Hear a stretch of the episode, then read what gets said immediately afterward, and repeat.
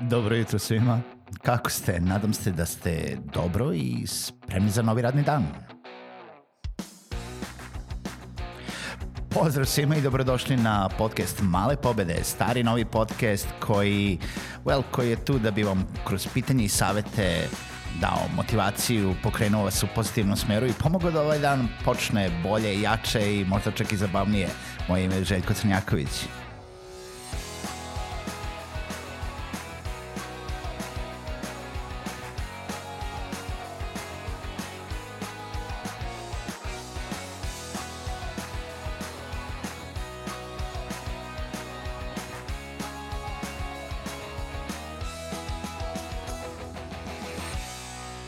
Pozdrav svima, dobro jutro i dobrodošli u još jednu epizodu podcasta Male pobede. Uh, I prošle nedelje smo pričali jako puno o podcastima, pa ja bi ove nedelje da se vratim nekako malo na preduzetništvo i na sve uh, nas, preduzetnike kojima smo u istim rovovima, u istim govnima jel, svaki radni dan uh, kada pričamo o nekom preduzetničkom poslovanju i o tome kako nam se dan odvija. Pa da vas pitam kako, kako vam ide posao, kako, jel imate dovoljno posla, jel imate puno posla, jel se borite za klijente, jel ponekad se čini kao da ćemo sutra da zatvorimo ili ćemo možda krenuti da pivotujemo neke, ovaj, neke usluge, neke sadržaje i da menjamo to čime se bavimo.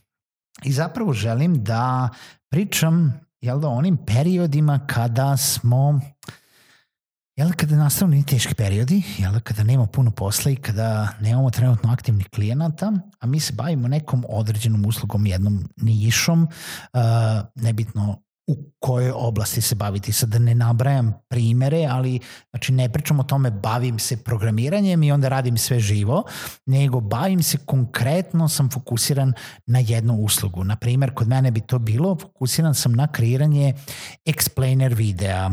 To su animirani marketing videi i ne radim ništa drugo u animacijama. Znači ne radim uh, reklame, ne radim storije za Instagram, ne radim one, uh, ne znam, leteći tekst reklame koje možete da iskoristite neki servis na internetu da bi napravili sami, zato što to ne mogu ni da naplatim, jednostavno vam je jeftinije da uzmete tamo neki servis i da imate unlimited reklame cele godine nego da vam ja naplatim 10, 20, 30 dolara, u stvari ne mogu da naplatim 10, 20, 30 dolara, nego moram da naplatim 50, 60, 80 do 100 evra zato da bi se to mene isplatilo, da bi neko iz mog tima to, mogo, to, to uradio za, za vas.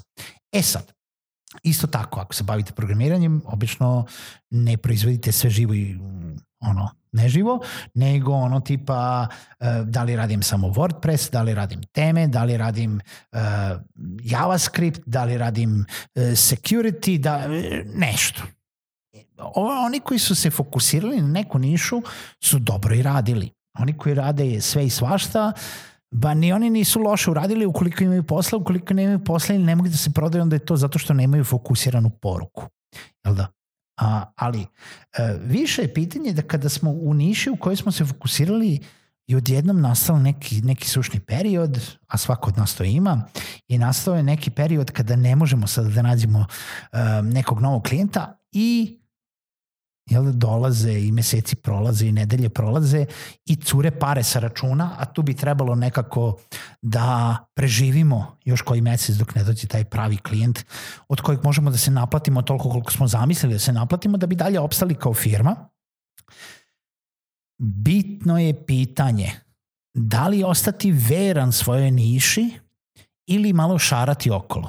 I sad sad neki će reći da, morate se fokusirati na svoju nišu i u najprostijem sad nekom upoređivanju stvari to bi bilo kao da vas pitam uh, ukoliko ste završili faks za nešto ili ste studirali za nešto, da li ćete se baviti samo strukom koju ste jel da, završili ili ćete raditi neki posao van struke? Da li ćete prihvatiti da radite posao van struke? I uvek se setim tog nekog intervjua koji su obavili u nekom momentu najvećeg, najveće nezaposlenosti u Srbiji, gde su intervjuisali studente koji su izjavili da ne bi se bavili poslom van svoje struke, pa sve da sede kući e, na grbači svojim roditeljima ovaj, i to je bolje nego da radim van svoje struke. I onda i dan danas to mislim, ali i onda sam pomislio, e, bože koji kreteni Bože, zašto o, ove ljudi tako razmišljaju, jer naravno, ukoliko ste gladni i ukoliko nemate posla i nemate šta da jedete, brate mili, braću jabuke, kopaću kanale, nosit ću džubre ako treba a, i preživeću nekako za sledeći dan.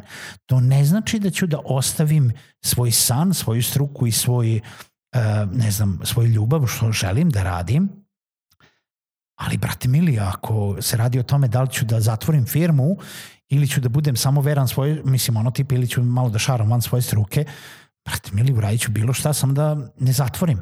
Jel da kao takav? I sad vraćam se na tematiku. Da li ako nemate posla ili ako ste, ne znam, jako neki high-end posao radite, neki posao koji je izuzetno skup proizvod, skupa usluga, ali trenutno nemate posla, da li bi razmislili o tome da prihvatite neki manje plaćeni posao. Nešto što bi možda u nekom uh, bilo kom drugom stadijumu, ukoliko imate dovoljno posla, rekli nema šanse ja to da radim. Uh, I to je sad ekvivalent, ne znam, vi ste neki UX, UI dizajner, ali vam ja dam da uh, kreirate banere za društvene mreže. Za ono tipa uh, Facebook ads Pa naravno da treba da prihvatite. Ne treba to da ide u portfolio. Ne treba to da ide na sajt. Ne treba va tog klijenta da stavite u, u, u ono tipa listu renomiranih klijenata koji će zvati za vaše reference. Ne treba da se pozivate na poslednji urađeni posao.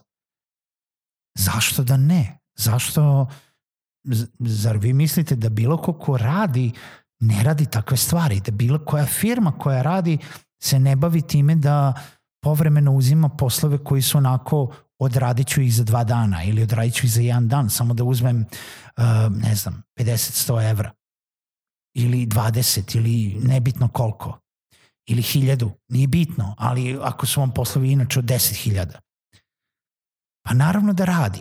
Naravno da vam ne treba biti ispod časti da prihvatate partnerstva, poslove ili saradnje koji su kratkoročni i koji služe samo zato da bi opstali u biznisu.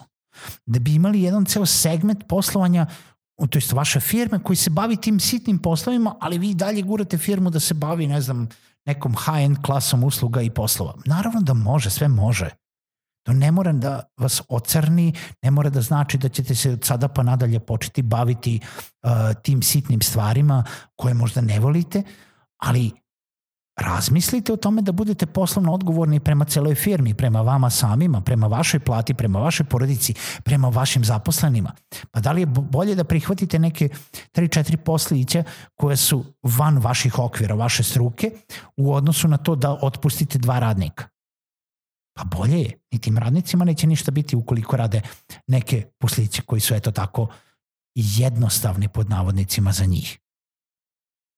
Znači, uopšte ne pričamo o tome da se prodajete za nešto skuplje, za nešto što je možda veći zalogaj za vas, nego pričamo o masi onih uh, ljudi s kojima sam imao prilike da, da diskutujem na tu temu, koji su se jako fokusirali u jednoj oblasti, što je savršeno i odlično, uh, ali u momentima tih težih perioda kada je, jel da je sušan period ili kada se nalazi između klijenata, pa da, pa uzmemo neke sitnije poslove, pa ih odradimo ba, ba, ba, ba, ba.